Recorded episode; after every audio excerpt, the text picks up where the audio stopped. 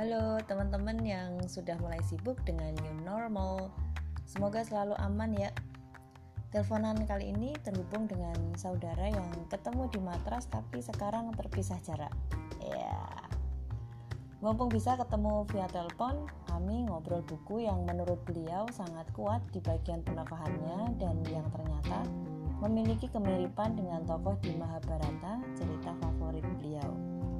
Dengan pertanyaan yang diajukan ala anak kecil yang agak-agak songong gitu, syukurnya Kak Ari bersedia menjawab dengan tenang tentang Amba dan bagaimana Kak Ari memaknai kisah romansa di dalam cerita yang katanya tidak minyi-minyi ini.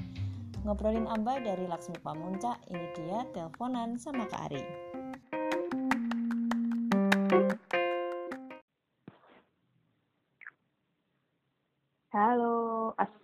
Assalamualaikum. Waalaikumsalam. Halo Kak. Halo. Sik, sik. Ini orang kayak biasa nih soalnya. Jadi pokoknya sebelum kita mulai semuanya, pokoknya aku harus menggelar semuanya. Oke, silahkan. Bahwa bahwa Kak Ari adalah saudara seperguruan in literal meaning dalam banyak hal. Apa saja Kak? Tolong disebutkan. Mulai dari yang mana nih? Mulai dari yang serius atau yang nggak serius? Oh ya, bebas, bebas. Serius. Seriusnya kami berdua sama-sama menjadi murid di salah satu dojo Aikido Yap. Eh, dan Mbak Uke adalah senpai saya, kakak kelas saya, senior saya. Bisa, bisa. Cetak gitu. Lalu eh, Mbak Uke adalah eh, partner in crime dalam banyak hal ya, terutama bab-bab yang sangat tidak cetok itu. Eh, rebutan John Mayer, lalu eh kita rebutan apa lagi ya? Klaim-klaim klaim John Mayer sudahlah biarkan itu menjadi milikmu. Terus kami berdua Kita tuh hanya bertikai untuk John Mayer kok. Selebihnya Oh iya, benar. Selebihnya enggak tuh- bertikai juga.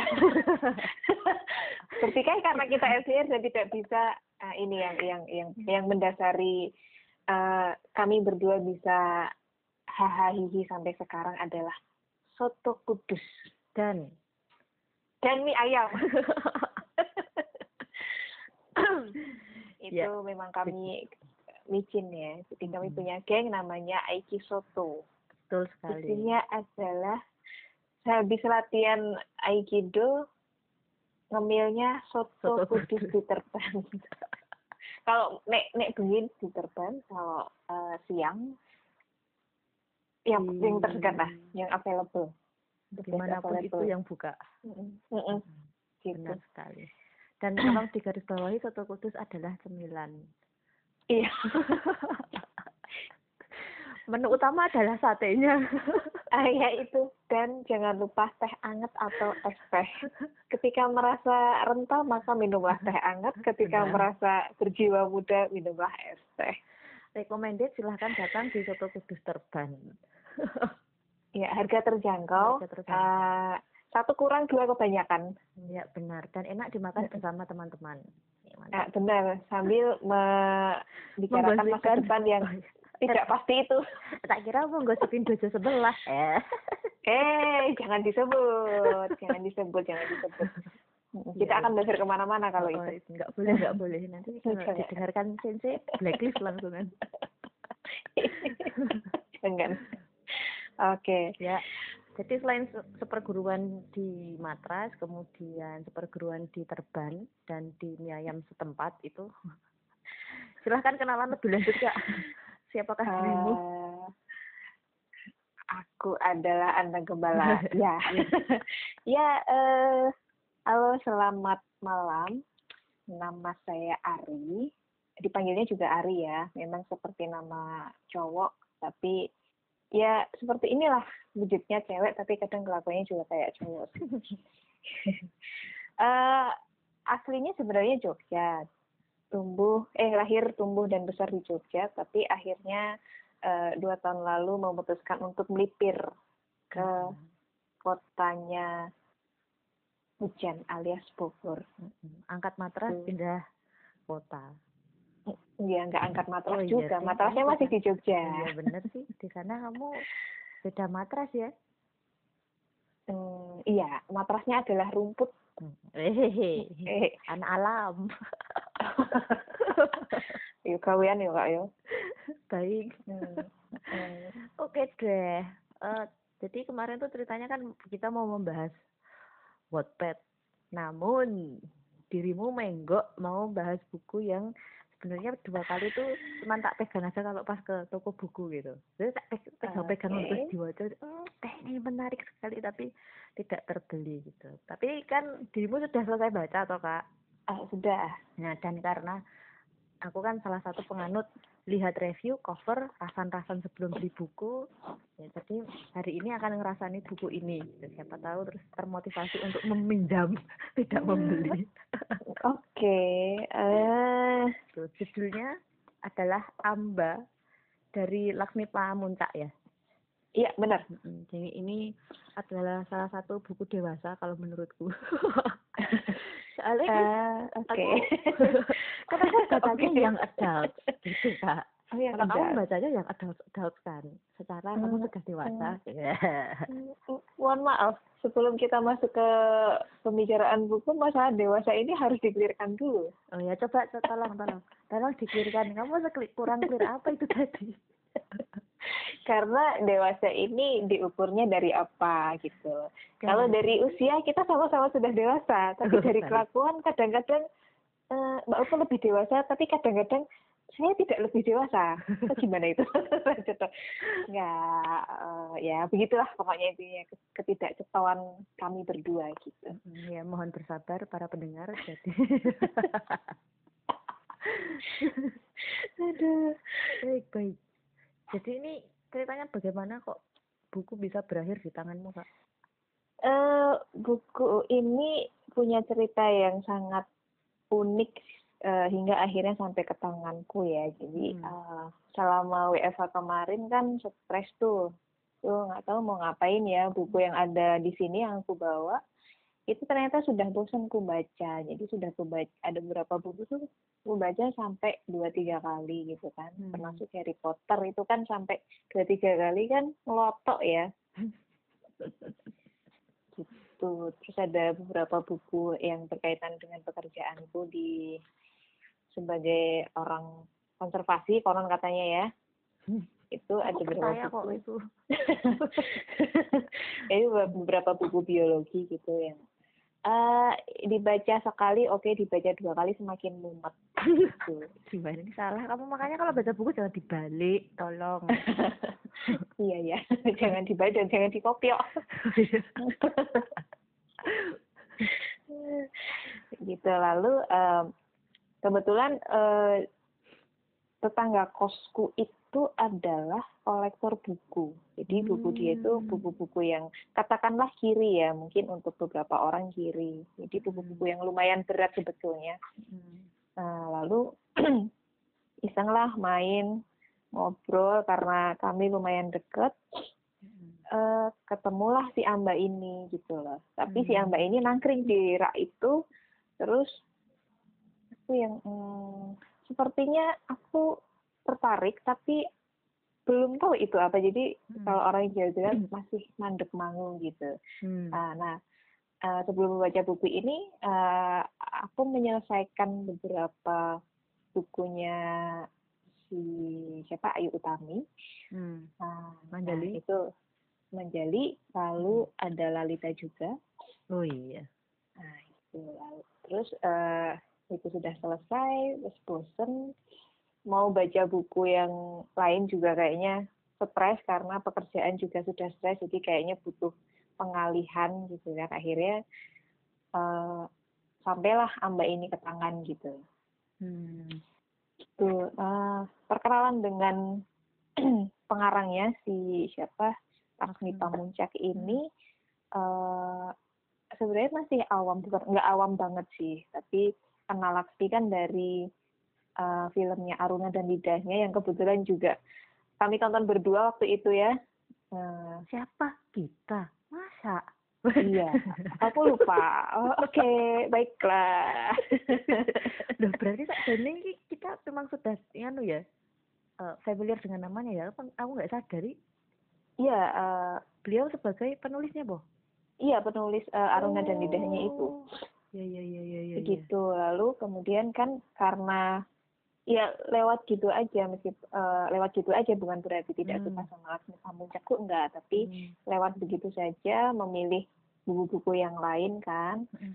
Eh, terus kemudian di tahun inilah in time of corona ini Mm-mm. si Amba ini sampai lalu ketika tak buka gitu memang oke ini novel yang dewasa mungkin kalau Hmm. kalau eh, ada teman-teman yang sudah hatam Ayu Utami gitu mungkin nggak nggak nggak nggak akan terlalu kaget gitu loh karena kira-kira eh, cara penyampaiannya tata bahasanya mirip ya. mirip Oh. meskipun punya karakter sendiri tapi eh, 11 12 karena mungkin mereka juga eh, dari zaman yang sama gitu ya. Oh ya, latarnya sama, Po. Eh, tapi aku baca Ayu Utami yang Mandali, Ding. Dan itu kan nggak latar sejarah. Kalau yang Amba kan ada latar sejarahnya yang G13 PKI, kok tuh. Spoiler Nah. Nah, kalau yang Amba ini sebetulnya ceritanya cerita cinta segitiga sebetulnya. Ini Eh, bisa eh. dikulik lagi nih nanti. Mengingat sesuatu. Aduh, jangan. Maksudnya cinta segitiga itu adalah cinta antara diriku, dirimu, dan Soto Kudus. Oh iya, ya bisa, Nah, bisa. itu. Jadi ini sebenarnya cerita cinta segitiga gitu, romance sebetulnya. Jadi kompleks Hmm. ada romance, ada cerita sejarahnya, ada Hmm. cerita budayanya, ada cerita konflik, Mm. terus ada cerita filosofinya juga gitu. Jadi tak Hmm. pikir ini untuk eh, teman-teman yang suka membaca dan ingin belajar banyak hal secara komprehensif gitu ya. Aku bener nggak ya pakai kata komprehensif? Betul. Itu mungkin Mbak ini eh, recommended sekali gitu. Tata bahasanya juga nggak nggak terlalu ruwet gitu, nggak terlalu berat. Kalau Ayu Utami kan kadang kita baca Ayu Utami tuh mikir gitu, mikir iki apa to maksudnya Hmm, gitu. Tapi hmm. kalau si Amba ini tuh eh, diceritakan dengan bahasa yang enak mengalir. Jadi buku ini tebalnya eh, sekitar 500-an halaman ya, Oh, hampir wow, 600. iya, betul. 500 Ada 969 halaman Mm. dan aku baca itu sekitar satu minggu. Hmm. selesai. Itu sebenarnya cukup lama sih karena disambi-sambi kerja ya. Berarti Eh, nganu kamu nganu Pak? Enggak, nggak apa namanya? Oh, tidak apa bahasa Indonesia ini kesel ya apa sih? Eh terbeda. Nah ya, apakah itu tidak terjeda membaca buku yang lain? Jadi maksudnya dari se- seminggu itu hanya fokus membaca Amba atau ada buku yang lainnya gitu? Nah, ini ini yang yang pertanyaan yang sangat oke karena Wah. Memancingku untuk bicara tentang betapa cara bertutur Laksmi dalam buku ini membuat kita kecanduan. Hmm. Jadi sekali baca gitu kan misalnya bab Mm. pertama itu kita langsung eh, oh oke engage ya pertama pertamanya agak-agak mungkin agak-agak gitu ini tentang apa ya Mm. nah bikin penasaran dulu lalu setelah itu oh dimulai dari pencariannya si Amba ya seorang perempuan di usia 60-an Iya, oh, Ambanya itu 60-an. sudah tua. Iya, sudah tua. Di di awal cerita ya, di awal cerita dia sudah tua, 60-an dan mencari sang kekasih hati yang bernama Bisma. Alright. Nah, ini di awal tuh ceritanya gitu dan di pencariannya itu si Amba ditemani oleh Samuel. Samuel ini eh anak Ambon, Ambon campuran yang sudah mix mix apa ya darahnya sudah dicampur itu antara darah Manado, Ambon, Lalalili, Lalalili gitu. Jadi ditemani oleh Samuel ini usianya terpaut sekitar kalau nggak salah 10 atau 15 tahun dari Amba gitu. Hmm. Nah, Dan dia gitu. sebagai Eh, sebagai awalnya sebagai semacam tour guide gitu ya, oh. guide lokal. Lalu kemudian ternyata ada sesuatu yang menautkan mereka gitu. Nah itu diceritakannya di akhir gitu. Nah di bab Hmm. pertama kan cerita tentang bagaimana si Amba ini terluka, terluka oleh uh, seorang anak kepala adat atau kepala soa gitu. Ini ada kepala inilah kepala pimpinan lokal masyarakat lokal gitu. Gitu lalu dibawa ke rumah sakit dan karena dia sendirian di Pulau Buru ya dia mencarinya di, di Pulau Buru. Lalu ditem, ditemanilah si Samuel ini datang untuk menemani gitu. Hmm. Sampai ada satu sampai dia ke mereka ke mana kantor polisi dan uh, akhirnya si penusuk amba ini atau si perempuan yang melukai ini uh, akhirnya tidak jadi di penjara gitu loh karena si amba melihat peristiwa penusukan itu dari sudut pandang yang lain gitu. Padahal sih ditusuk amba. Mm -mm. Hmm. Tapi ternyata ada cerita kenapa amba akhirnya tidak jadi mempolisikan si perempuan ini. Nama perempuan ini muka burung. Hmm, nah, dari gitu namanya kan. sudah lucu ini sepertinya. Ah, nah, karena setting-setting awal-awal cerita awal cerita di buku ini adalah di Pulau Buru. Jadi sudah ketahuan kan ini latar sejarahnya hmm. berkaitan dengan apa gitu kan. Hmm, betul. Nah, uh, di awal cerita itu si Amba ini terlihat sangat misterius karena dia nggak hampir nggak ngomong gitu loh hampir nggak dicerita hampir nggak ada gak dialog ada antara oh. Amba dengan dengan tokoh yang lainnya dan Amba ini baru membuka mulut di akhir-akhir pertama gitu berarti dari apa ya kayak sisi pen, cara pencerita penceritaannya Laksmi itu menggambarkan ambanya ya dari deskripsi dia sendiri gitu kok enggak tidak dari dialog-dialognya Amba dengan siapa gitu loh.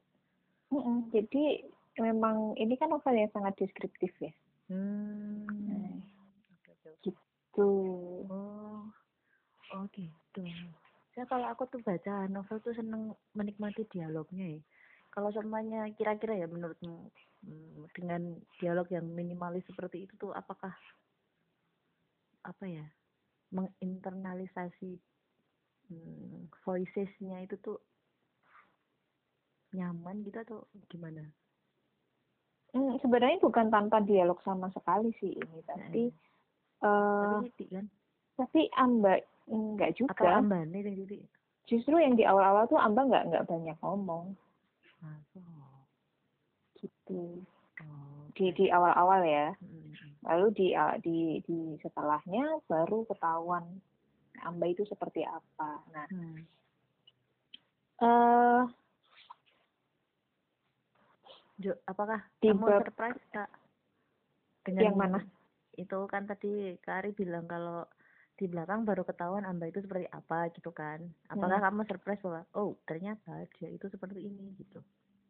Hmm, Atau enggak juga? Sudah enggak juga. Mungkin tidak prediktif ya, tapi akhirnya karena tidak tidak mencoba untuk menerka atau kemudian tidak. Ah. Jadi ya ya wis macam iki enak gitu loh. hmm. ya udah aku mengikuti alurnya. Kamu nerima ya kak? Iya, seperti aku menerima keadaan kita sekarang ya, KCN nggak bisa itu fotoan bersama itu loh. Iya, gitu. Ya, ya. Jadi bab pertama ini hanya nggak sampai 100 halaman, cuma 82 halaman. Mm -hmm. Lalu di buku dua itu diceritakanlah si Amba ini kehidupan masa kecilnya seperti apa dia dari keluarga yang seperti apa hmm. nah jadi si Amba ini uh, lahir dari keluarga guru pendidik gitu ya bapaknya kepala sekolah dan ibunya dulu orang seni orang seni yang nggak jadi seniman hmm. ya, akhirnya menikah dengan seorang guru kemudian uh, dia dibesarkan dalam kultur Jawa yang sangat Jawa. Mm-hmm. Dia lahir kira-kira uh, 1950, 40 akhir 50 awal gitu. Hmm. Ya seumur uh, Pak D, Pak D, Pak D kita lah. Hmm. Nah begitu. Lalu uh, Amba ini punya adik kembar, hmm. namanya Ambika dan Ambalika. Hmm. Jadi lucu nah, ya. Iya. Oh, untuk nama ini sebelum kita masuk lebih jauh, penamaan tokoh utama di di di apa novel ini tuh novel ini sangat menarik karena mengambil eh, nama-nama tokoh wayang. Jadi Hmm. Amba nggak untuk ya yang- tokoh wayang? iya, jadi untuk yang pernah baca Mahabharata, baik yang yang versinya I Nyoman siapa itu ataupun yang R.A. Kosasi, Mm-mm. mungkin akan happy karena akhirnya menemukan Amba dalam cerita lain gitu. Hmm. Tapi Nah, kamu apakah Kak Ari juga membaca Mahabharata yang itu? Maksudnya terus oh aku menemukan versi-versi Amba yang lainnya selain yang ada di Mahabharata gitu. Nah, karena Ramayana eh Mahabharata dan Ramayana adalah epos yang ku baca dari kecil, dari zaman SD. Mm. Jadi jujur saja ini sangat membuatku berbunga-bunga, Oh. berbunga-bunga gitu. Dan Amba ini sebenarnya eh, tidak jauh beda ceritanya dengan Amba yang di wayang, hanya ini dalam apa ya, dalam format yang baru gitu loh. Hmm. Sebenarnya pengkarakterisasian si Amba itu di cerita pewayangan dan di buku Amba ini mirip-mirip gitu. Ya, mirip-mirip 11-12. Baik Amba, kis- kisah cintanya dia terlibat dengan siapa, Hmm. itu mirip-mirip. Tapi yang yang paling kentara adalah karakternya Amba, Bisma, dan juga Salwa. Nah, nanti Salwa akan akan diceritakan nanti ya. baik. Jadi nanti tolong diingatkan ya, Kak ya. Tapi kamu jangan banyakkan spoiler kak, nanti kasihan yang mau baca. Nah, nggak apa-apa. Oh ya, Maksudnya diingatkan. ya, iya benar juga. Ah, gitu. Terus eh, jadi eh, bab dua menceritakan perjalanan si Amba yang anak pertama yang sangat sadar bahwa kecantikan itu datangnya dari dalam. Jadi dia menerima dia tidak lebih cantik, tapi dia paham bahwa justru otak adalah segalanya. Makanya dia membaca buku, gitu. membaca buku, berdiskusi dengan ayahnya, terus men- dalam tanda kutip menolak ibunya. Menolak ibunya itu artinya tidak terlalu setuju gitu loh. Tapi Hmm. tidak, tapi caranya ada cara yang sangat halus. Jadi ketika satu satu saat eh, ibunya menjodohkan dengan eh, seorang Salwa, Salwa ini dosen di Universitas Gajah Mada ya. Amba menerima tapi tapi dia punya tujuan Hmm. untuk memuluskan langkahnya belajar gitu kan. Hmm. Ya mereka jalan lah. Terus habis itu ternyata eh, konflik konflik eh, di negara pada di Indonesia pada waktu itu pergantian dari orde lama ke orde baru, jadi ono gunjang ganjing kan. Nah itu membuat mereka terpisah. Lalu Amba kerja di salah satu rumah sakit, kemudian ketemulah sama Bisma dan di sinilah cinta Bersemi. itu bersemi. Nah, Hmm. Bisma ini berbeda dengan Salwa. Kalau Salwa tuh eh, karakternya sangat lurus gitu kan, sangat lurus, yang seorang pengajar yang mencintai itu dengan dengan apa ya, dengan tertib gitu loh. Hmm. Sementara Bisma ini yang hidup pernah hidup di luar negeri, kemudian lahir dari keluarga borju, Hmm. eh, dia blasteran Padang, Jawa dan kayaknya kemungkinan ada ada ada ada ras areanya Hmm. karena diceritakan si Bisma ini punya mata emas kecoklatan Hmm. gitu lalu si Amba jatuh cinta dengan Bisma dengan karakter Bisma yang seperti Bisma ini dokter kan jadi dia tuh tenang tenang tapi eh gerusa gerusu gimana, itu Gimana apa? kak? Tenang ya kan ketika bekerja itu tenang tapi ketika dengan Amba dia bisa mencurahkan segala sesuatunya Oh. dan ada satu satu line gitu kan yang bilang bahwa Bisma bilang ke Amba aku ingin pulang ke kamu wah so sweet itu kak Eh, eh. aku merasa Kamu menjadi apa ya? Amba eh enggak itu Oh itu dokter yang sekarang. Ya dokter itu Oh. dokter Bisma itu bilang ke si Amba bahwa aku ingin pulang ke kamu setelah itu setelah dia me- merawat atau mengerjakan pekerjaannya sebagai dokter pada waktu itu banyak pemberontakan jadi dia menyaksikan banyak uh, apa korban banyak orang datang ke rumah sakit lelah hmm. lelah jiwa raga gitu kan mental gitu ketika ketemu dengan Amba dia berdiskusi dia bisa mencurahkan segala dan dia bisa ngomong itu ke Amba dan hmm. ya mereka berjalan tanpa disadari uh, mereka itu mendapat perhatian dari dokter seniornya Bisma gitu kan yang satu ketika ketika mereka harus pindah ke Jogja lagi kembali ke Jogja uh, si dokter inilah yang uh, membocorkan dalam tanda kutip perselingkuhannya Amba dengan Bisma ini kepada Salwa gitu. Hmm. Nah, di sini kan ada cinta segitiga kan, kelihatan tuh mulai cinta segitiga. Eh tapi si nah, Salwanya nah, suka uh sama si Amba. Maksudnya, Salwa ini Salwa ini malah malah sudah bertun dalam tanda kutip sudah bertunangan ya, sudah direstui oleh orang tua karena dijodohkan kan. Uh -uh. Nah, gitu. Duh, ora kak, tapi maksud kan dia dijodohin sama si Amba ya, si Salwa. Iya. Tapi maksudku uh. apakah si Salwa itu pada saat dijodohkan kemudian dia uh, beneran suka sama si Amba gitu loh? Iya. Oh iya ya. Wah, nah, Salwa ini senang baik-baik. Senang dengan Amba, tapi Amba itu rasa sukanya beda. Jadi Amba hmm. lebih lebih menghormati Salwa sebagai seorang kakak mungkin ya sakit. Mungkin. Hmm, baik. Atau mungkin Salwa tidak memenuhi uh, idealnya Amba?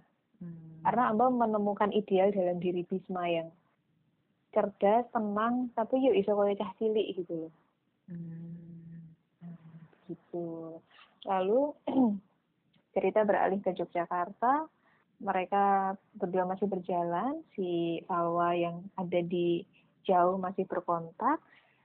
Nah, uh, meletuslah uh, tragedi itu, tragedi hmm. yang memisahkan Bisma dengan Amba.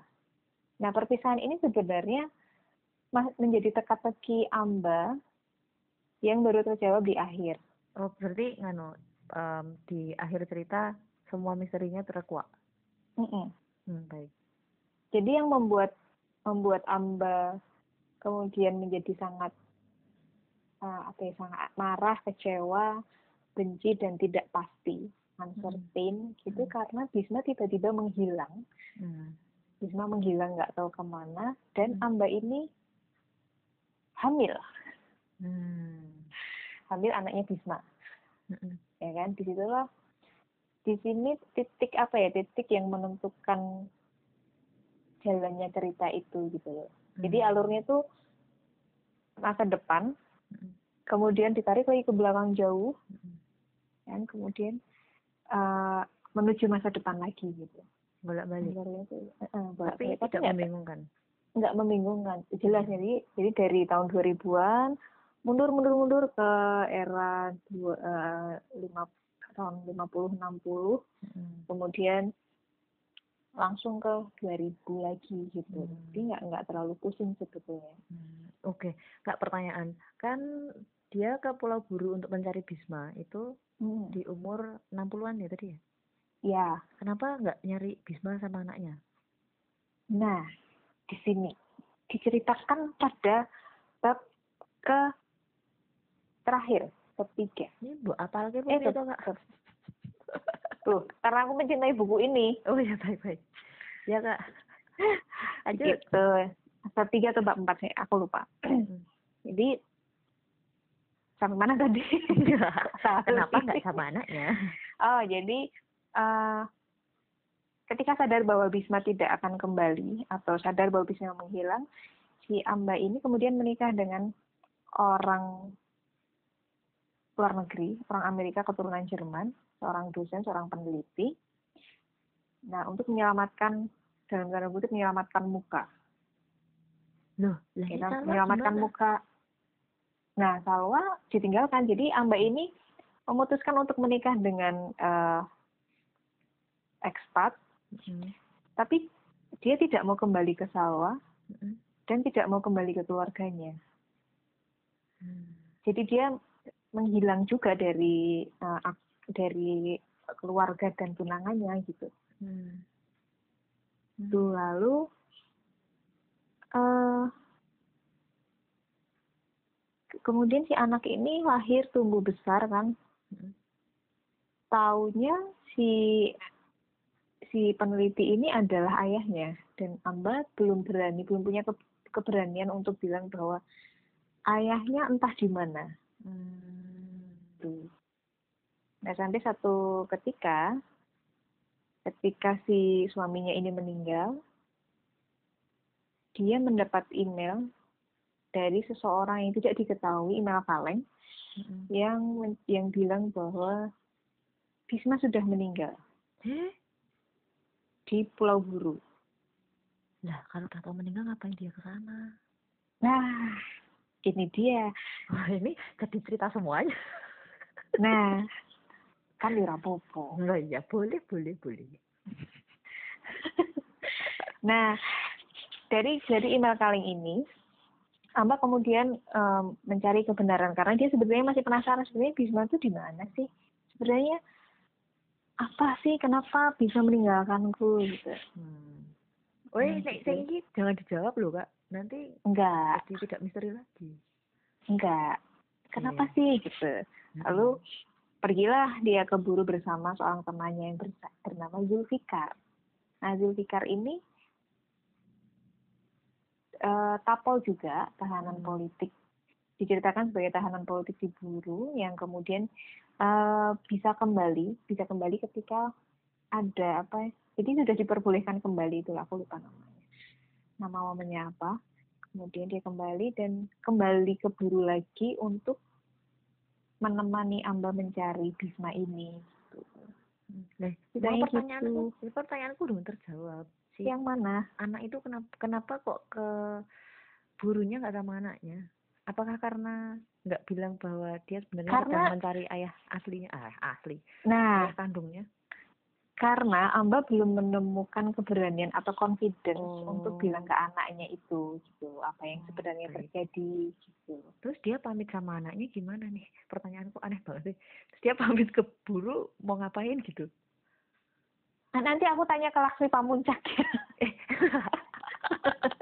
enggak maksudku.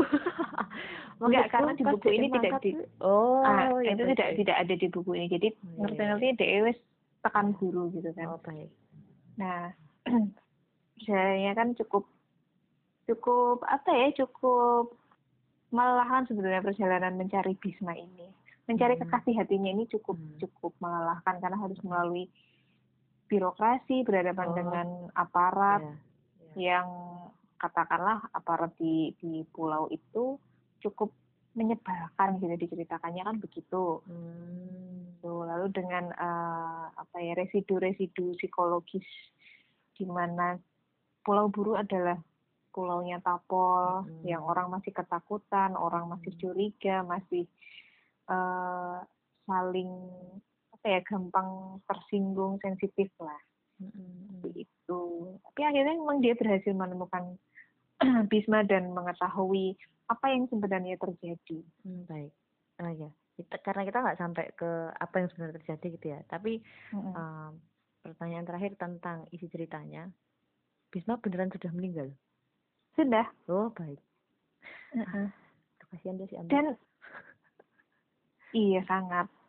Hmm, Tapi cerita cerita antara bis cerita seg- segitiganya Amba, Bisma dan Salwa ini cukup mirip dengan eh, dengan yang di Mahabharata. Cukup Hmm. mirip ya. Meskipun tidak plek banget tuh enggak, cuman cukup mirip karena Amba mencintai Bisma, kemudian Bisma ternyata hilang, Mm-mm. hilang yang artinya kan Bisma tidak menikah sama dengan yang di yang di mana? Mahabharata. Yang di Mahabharata. Mm-mm. Amba itu tidak mati oleh panah Bisma. Kalau di Mahabharata Hmm. kan Amba itu mati karena panah Bisma kan.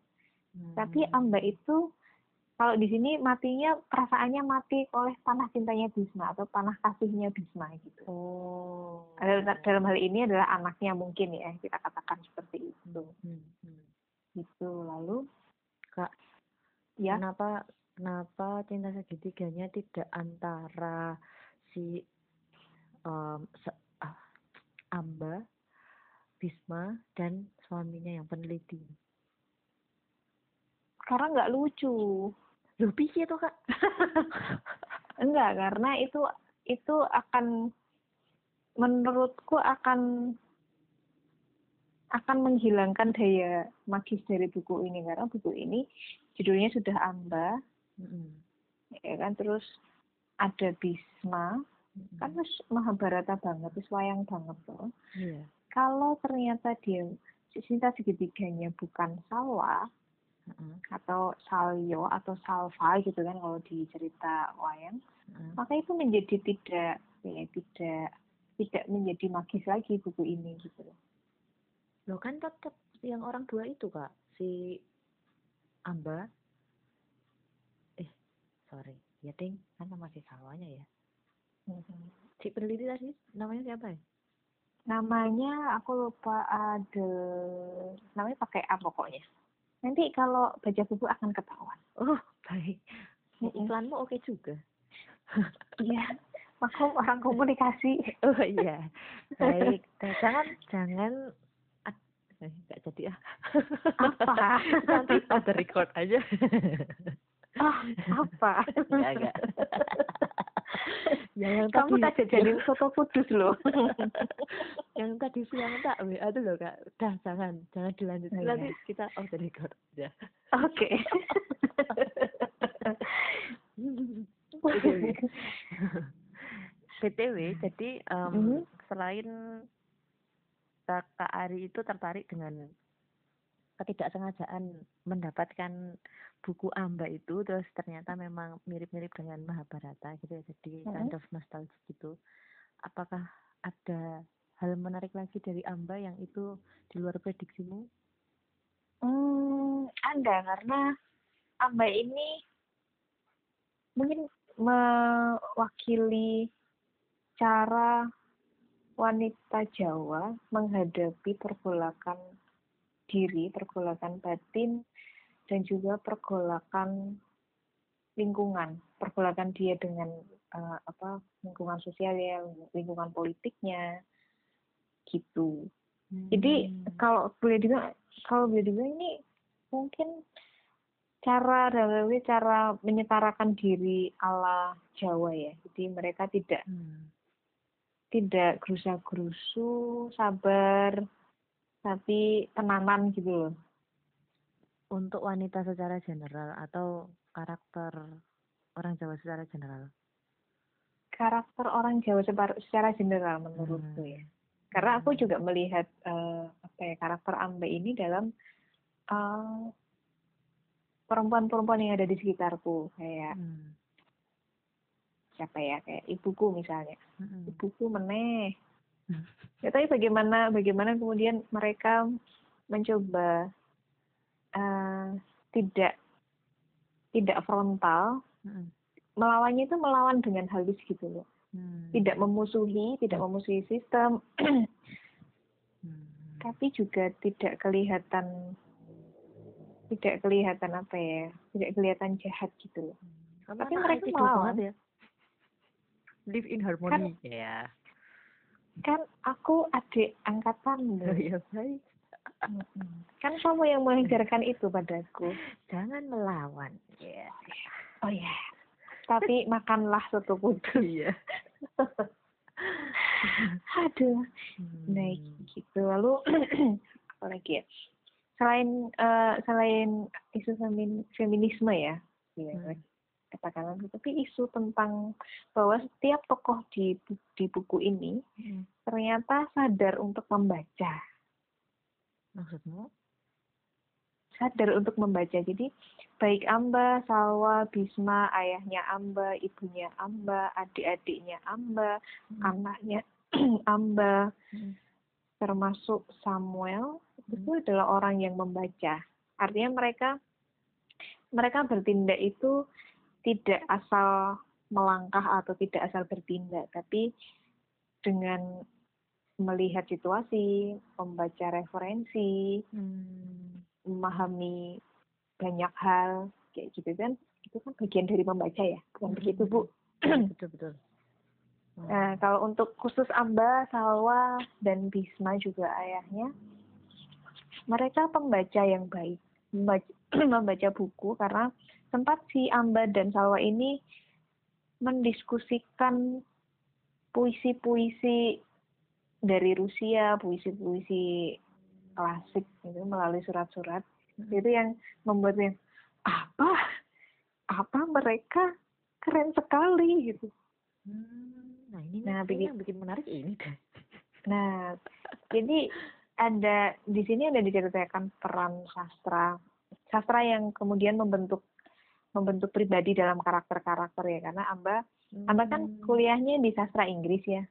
Oh, baik baik. I can relate ya. Eh, sih.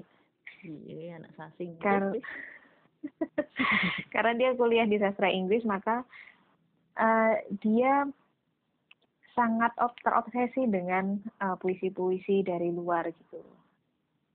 Nah, ada beberapa ada beberapa pengarang yang disebut di sini dan itu mempengaruhi jalan pikiran dia, mempengaruhi cara bersikap, hmm. cara bertindak, hmm. cara pandang seperti itu dan itu nyam, sebenarnya nyambung dengan dua lelaki ini hmm. gitu. Cuman ya namanya cinta kan nggak bisa di eh, nggak uh, bisa ditolak ya datangnya hmm. ke kapan Apa? kepada siapa gitu kan.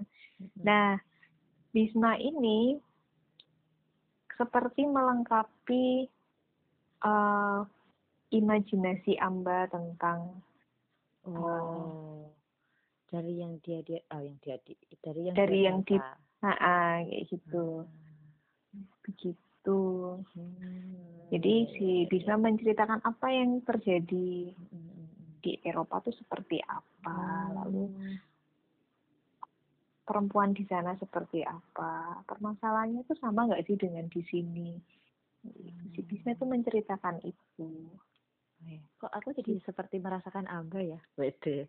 Ya, kan? Padahal, padahal aku tadi pertanyaannya yang tak catat itu adalah apakah Kak Ari tuh um, mempunyai pengalaman yang mirip-mirip sama Amba ya. Tapi ternyata nggak usah tanyain aku sendiri merasakannya.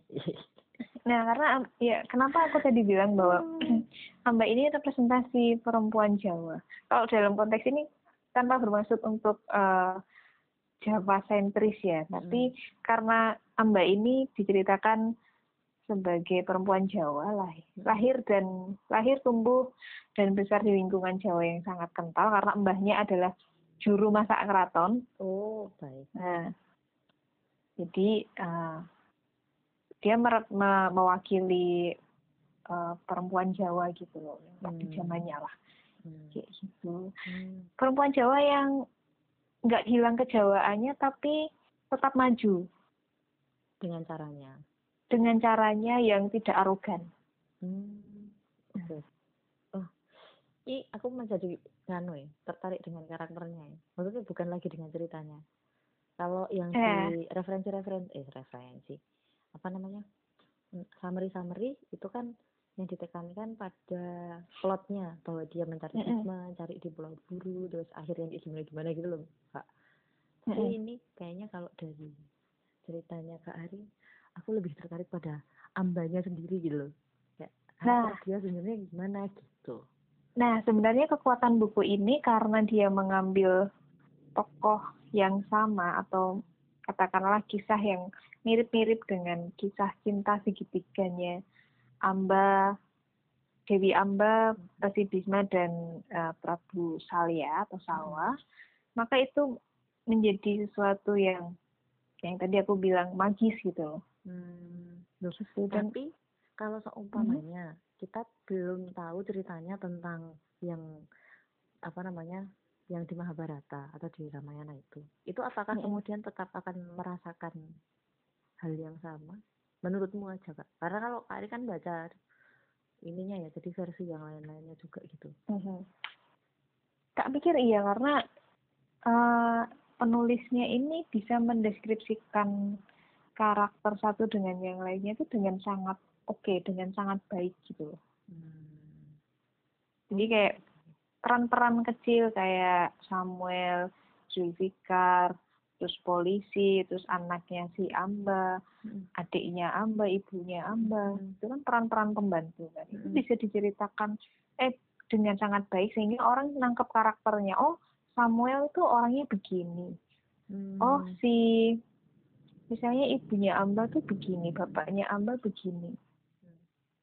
Hmm.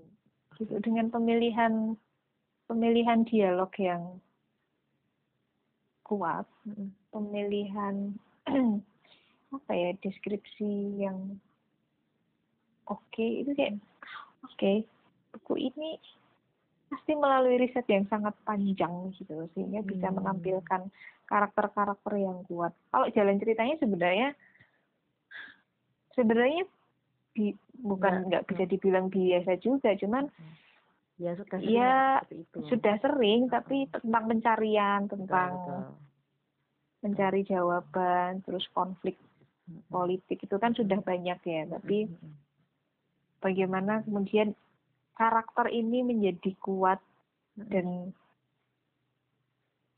orang menjadi seperti magis itu menjadi terbawa terbawa terbawa apa ya romantisme atau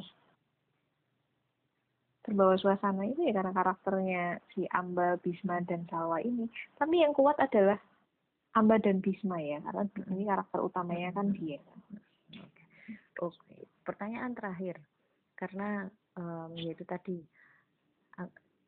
aku menganggap bahwa ini bukunya kan buku dewasa. Mm -hmm. um, apakah kemudian ada penceritaan yang dia terlalu eksplisit?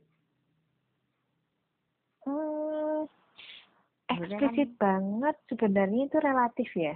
Kalau untukku itu cukup eksplisit tapi eksplisit ya eksplisit yang nggak diserbin. Mm jadi indah gitu loh. Oh ya, oke. Okay. Tapi nggak bisa dibilang indah juga, tapi mm mungkin lebih tepatnya lebih masuk akal atau oh, iya. mungkin tidak tidak kalau kita banding kita bandingkan dengan Ayu Utami Ayu, Ayu Utami itu kan berani ya.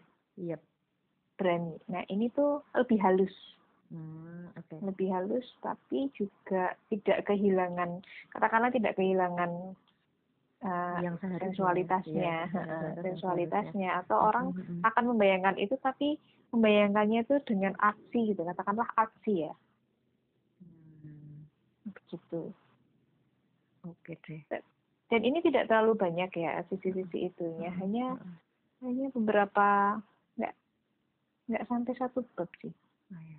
tapi hanya hanya beberapa cuplikan gitu tapi dalam dalam dalam apa deskripsi itu malah lebih banyak uh, ceritanya Bisma Bisma hmm. menceritakan pengalaman-pengalaman dia ke hmm. ke Amba kayak gitu jadi hmm. aktivitasnya itu tidak menjadi pokok bahasan yang menjadi pokok bahasan adalah ceritanya. cerita oh. ceritanya Bisma gitu ke iya. Amba dan itu menarik untuk dibaca. Itu di bagian tengah ya. Ini itu okay. kita cinta yang sangat sangat oke okay menurutku. Menye-menye sebetulnya tapi menye-menye bukan menye-menye yang ala sinetron gitu enggak ya. Tapi menye-menye yang membuat kita memahami bahwa oh kehidupan ini seperti ini loh. Ternyata hmm. hidup kita tuh kadang-kadang uh, kesalahan kecil tuh bisa berakibat menyebalkan. Hmm. Terus kadang-kadang keputusan-keputusan kita juga mempengaruhi banyak orang. Hmm. Dan kadang-kadang lingkungan lingkungan kita, situasi yang terjadi, kayak misalnya sekarang corona itu kan akhirnya membuat kita menjadi nggak bisa gampang ketemu kayak gitu kayak gitu. Hmm. Itu menyadari kita bahwa ya orang hidup tuh ternyata dipengaruhi oleh banyak hal. Oh. Itu dari keluarga, dari uh, dorongan pribadi, kemudian dorongan orang-orang terkasih, hmm. lingkungan, ya gitu. Hmm. Oke oke, ini menarik kak. Dan pertanyaan yang terakhir itu tadi tuh karena memang refer referensi bacaanku sih. Jadi karena ini aku penasaran terus gitu. Kadang-kadang aku baca berdasarkan review teman-teman gitu loh. Tapi ini tak coba enggak iya. Jo, aku dengerin aja ceritanya kayak gimana gitu dan aku tidak kuat dengan hal-hal disturbing Ya kalau yang ambek ini nggak nggak nggak disturbing. hmm. I promise you nggak disturbing. Karena aku pernah membaca si siapa urutan yang cukup berani itu ya. Mm.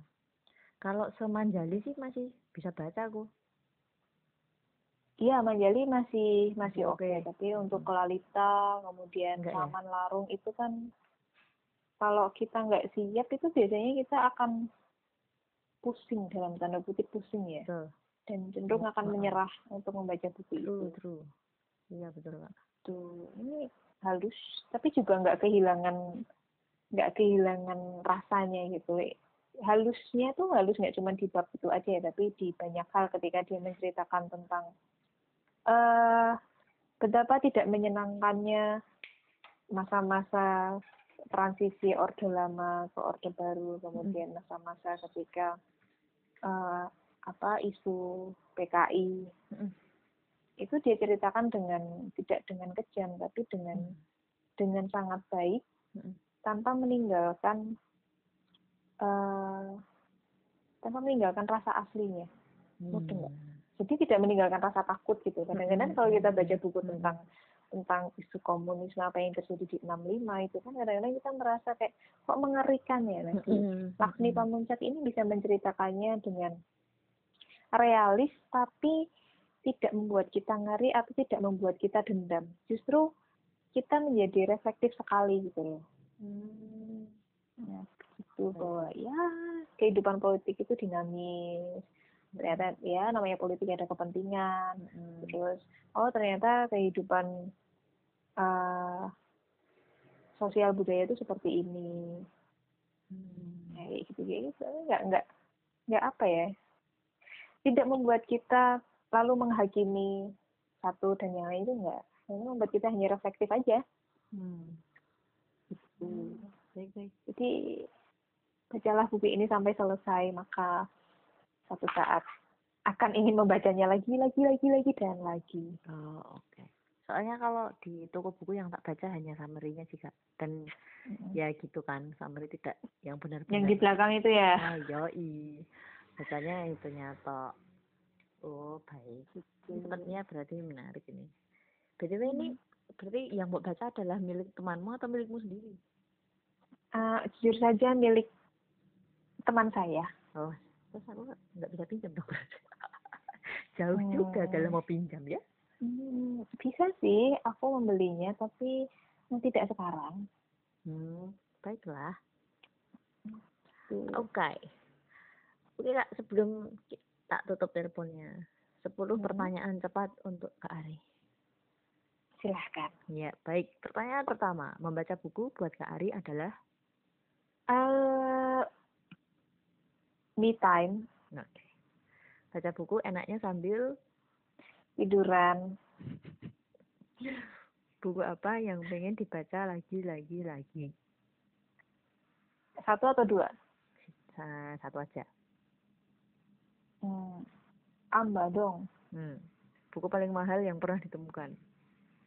Buku paling mahal yang pernah ditemukan atau pernah aku beli adalah buku yang ditulis oleh temanku sendiri yang bercerita tentang sejarah Mataram kuno dan Bali. Pinjam. Ada di rumah di Jogja. Apa? ya Hmm, ada pokoknya. Eh. Eh, judulnya judulnya eh, aku lupa. Jadi eh, a history of eh, Singha Singha gitu lah nanti aku WhatsApp ya ininya Wah, siap.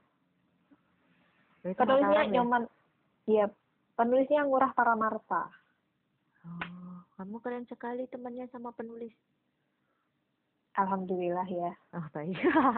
tapi aku juga keren temenan sama kamu oh, ya jelas. eh Wah, aku lah kok lah kok. Loh, kok oke pertanyaan Oke, selanjutnya ya, selanjutnya buku apa yang bikin emosional? Yang bikin emosional bukunya Lalita Baik. Eh maaf ya, kok komenku gitu. Oke, oke. Oh. Next, buku yang sedang ingin dibeli. buku yang sedang ingin dibeli hmm, Kak kan kemarin kemarin habis beli buku kak. Oh iya, ada nggak ya? Iya. Ada yang nyombong ya kemarin. Ada, ada eh, ini sebenarnya buku tentang eh, kepribadian sih.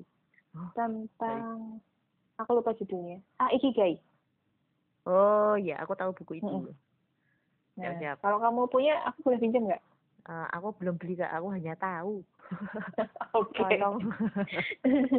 Nanti kalau kamu kalau kamu udah beli aku pinjam. Loh, kok ngono jadi nih? Aku sedih. Next, em, buku yang pernah dipinjam tapi nggak dikembaliin. Banyak. Oh iya udah, nggak usah disebutkan kalau banyak. Itu karya-karya eh saudaraannya Habib Yasin lah. Wah, bacaanmu lawas ya?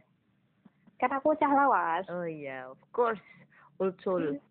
Sama kayak kamu. Ah, enggak.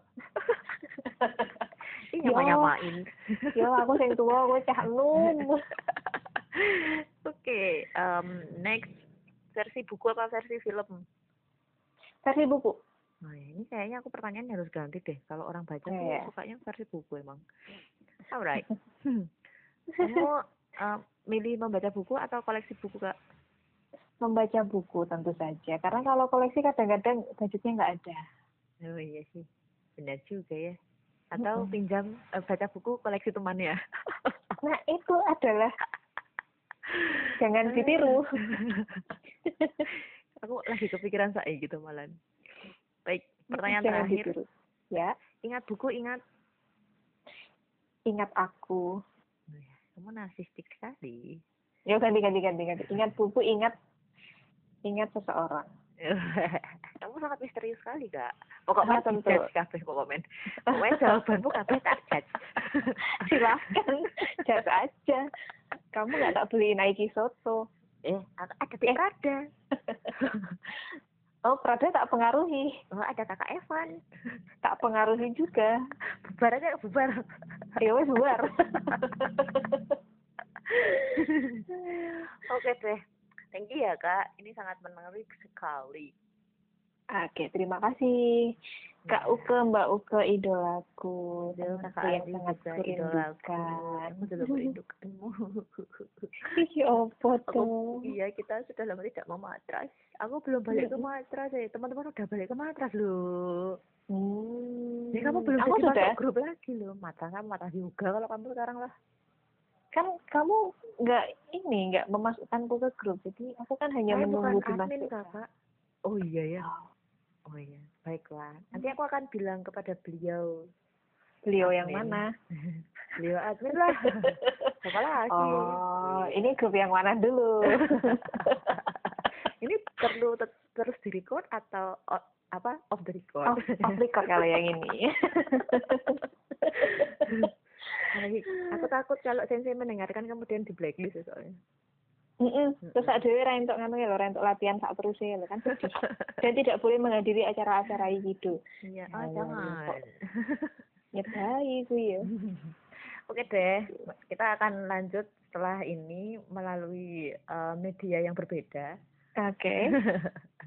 karena ada urusan yang harus dituntaskan. Oke. Rahasia. Pokoknya tidak jauh-jauh dari soto kudus. Untuk sementara yang urusan amba kita sudahkan, jadi biar teman-teman membaca sendiri untuk melihat bagaimana kuatnya karakter itu dibentuk di cerita amba. Juga em, akhirnya ini apakah yang terjadi pada Bisma sehingga dia harus meninggalkan amba? Temukan Hmm. jawabannya di amba. Wah, kayak wong iklan apa ya? Enggak apa-apa, kita membantu loh. Iya iya benar benar. Ya membantu Laksmi Pamunca untuk ngano bukunya tambah laris.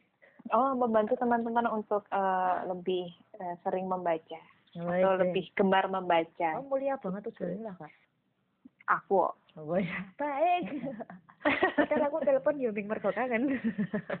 Oke, oh gitu. Oke, Iya baiklah. Eh, apa aku seneng kok digangeni. Eh. Eh. Aku yang ngangenin kamu. Ih, Ya kan dari kamu kurang. Oh baik. Aku kan sering menganganimu kalau begitu. Baiklah. oh ya, ini masih di record. Jadi mari kita sudahi. kita pindah Oke. ke lapak sebelah. Thank you ya Baik. kak. Ya, thank you. Terima kasih Mbak Uke. Assalamualaikum. Waalaikumsalam.